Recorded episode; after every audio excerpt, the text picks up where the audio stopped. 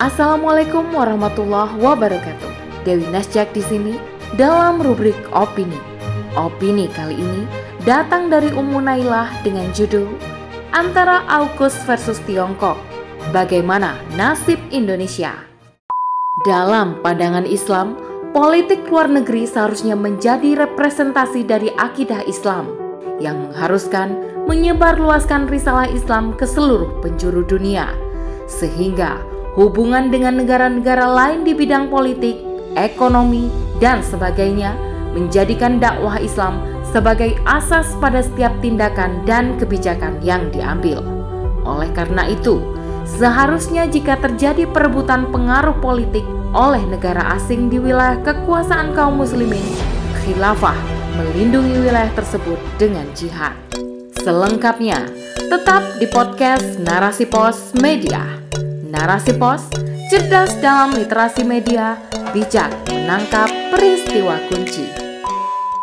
Dinamika yang terjadi di Indo-Pasifik beberapa waktu belakangan ini semestinya menjadi alarm bagi Indonesia agar tetap waspada.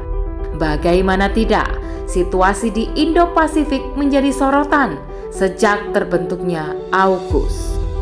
Meski pemerintah Indonesia melalui Menteri Luar Negeri Indonesia Retno Marswadi telah menyampaikan keprihatinan dan mengingatkan Australia untuk menjaga stabilitas kawasan. Namun, apakah langkah-langkah Indonesia ini sudah cukup dalam menyikapi terbentuknya AUKUS? Menurut pakar hubungan internasional sinergi polis, Dina Praptora Harja, menyatakan bahwa dinamika di kawasan ini sangat aktif. Pertumbuhan ekonomi dunia tetap hingga 10 tahun ke depan di sini Tiongkok sebagai satu kekuatan besar di kawasan terus berkembang besar secara ekonomi juga membangkitkan perasaan tidak nyaman dari negara-negara besar yang secara konvensional sudah memiliki posisi di kawasan. Dengan demikian, tampak bahwa sebenarnya Indonesia agak terlambat posisinya merespon hal ini. Indonesia jangan hanya fokus di militernya saja, karena jika dibesar-besarkan, maka akan memancing perlombaan senjata di kawasan. Justru bisa jadi Australia tengah memancing respon keras dari Indonesia. Ujarnya, Indonesia pada posisinya seharusnya tidak melupakan bahwa isu AUKUS bukan melulu bicara militer, tapi juga bicara terkait perdamaian di kawasan, sebab erat kaitannya dengan kemanusiaan semua akan merasakan dampak bukan hanya pada masalah ekonomi, tetapi juga penghidupan jika terjadi perlombaan militer di kawasan. Juga terkait prediksi akan terjadi perpecahan ASEAN, tampak terjadinya kini jauh lebih cepat dari perkiraan. Namun, kondisi Indonesia tengah terhimpit pertarungan dua kekuatan besar, yaitu China dan Amerika juga ketidakberdayaan Indonesia menghalau kapal-kapal asing yang berseliweran di perairan Natuna Utara yang merupakan wilayah Indonesia. Sungguh menyedihkan bahwasannya negeri-negeri muslim hari ini tak bisa berbuat apa-apa selain hanya manut pada kebijakan internasional para penjajah. Dalam pandangan Islam, politik luar negeri seharusnya menjadi representasi dari akidah Islam yang mengharuskan menyebarluaskan risalah Islam ke seluruh penjuru dunia, sehingga hubungan dengan negara-negara lain di bidang politik, ekonomi, dan sebagainya menjadikan dakwah Islam sebagai asas pada setiap tindakan dan kebijakan yang diambil.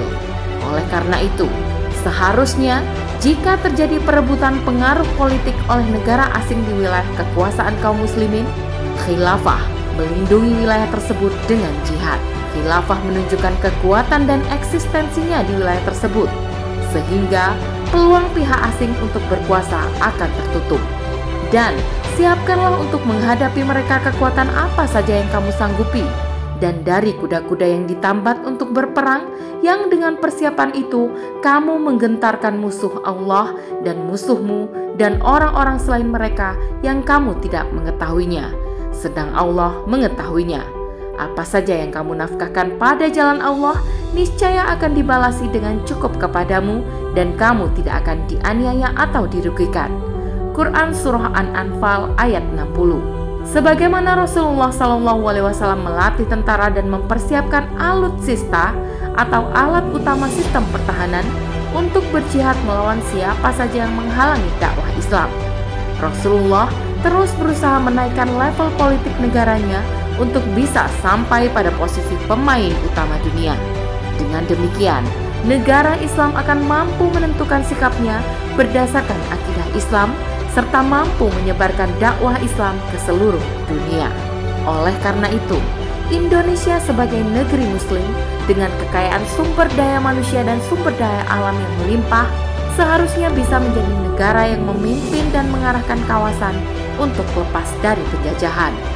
Hal ini hanya bisa dicapai dengan kesadaran penuh Indonesia atas posisi dan potensi strategis yang dimilikinya serta mengadopsi ideologi Islam dalam membangun politik luar negerinya. Wallahu a'lam bishawab. Demikian rubrik opini kali ini, sampai bertemu di rubrik opini selanjutnya. Saya Dewi Nasyak undur diri, aku minkum wassalamualaikum warahmatullahi wabarakatuh.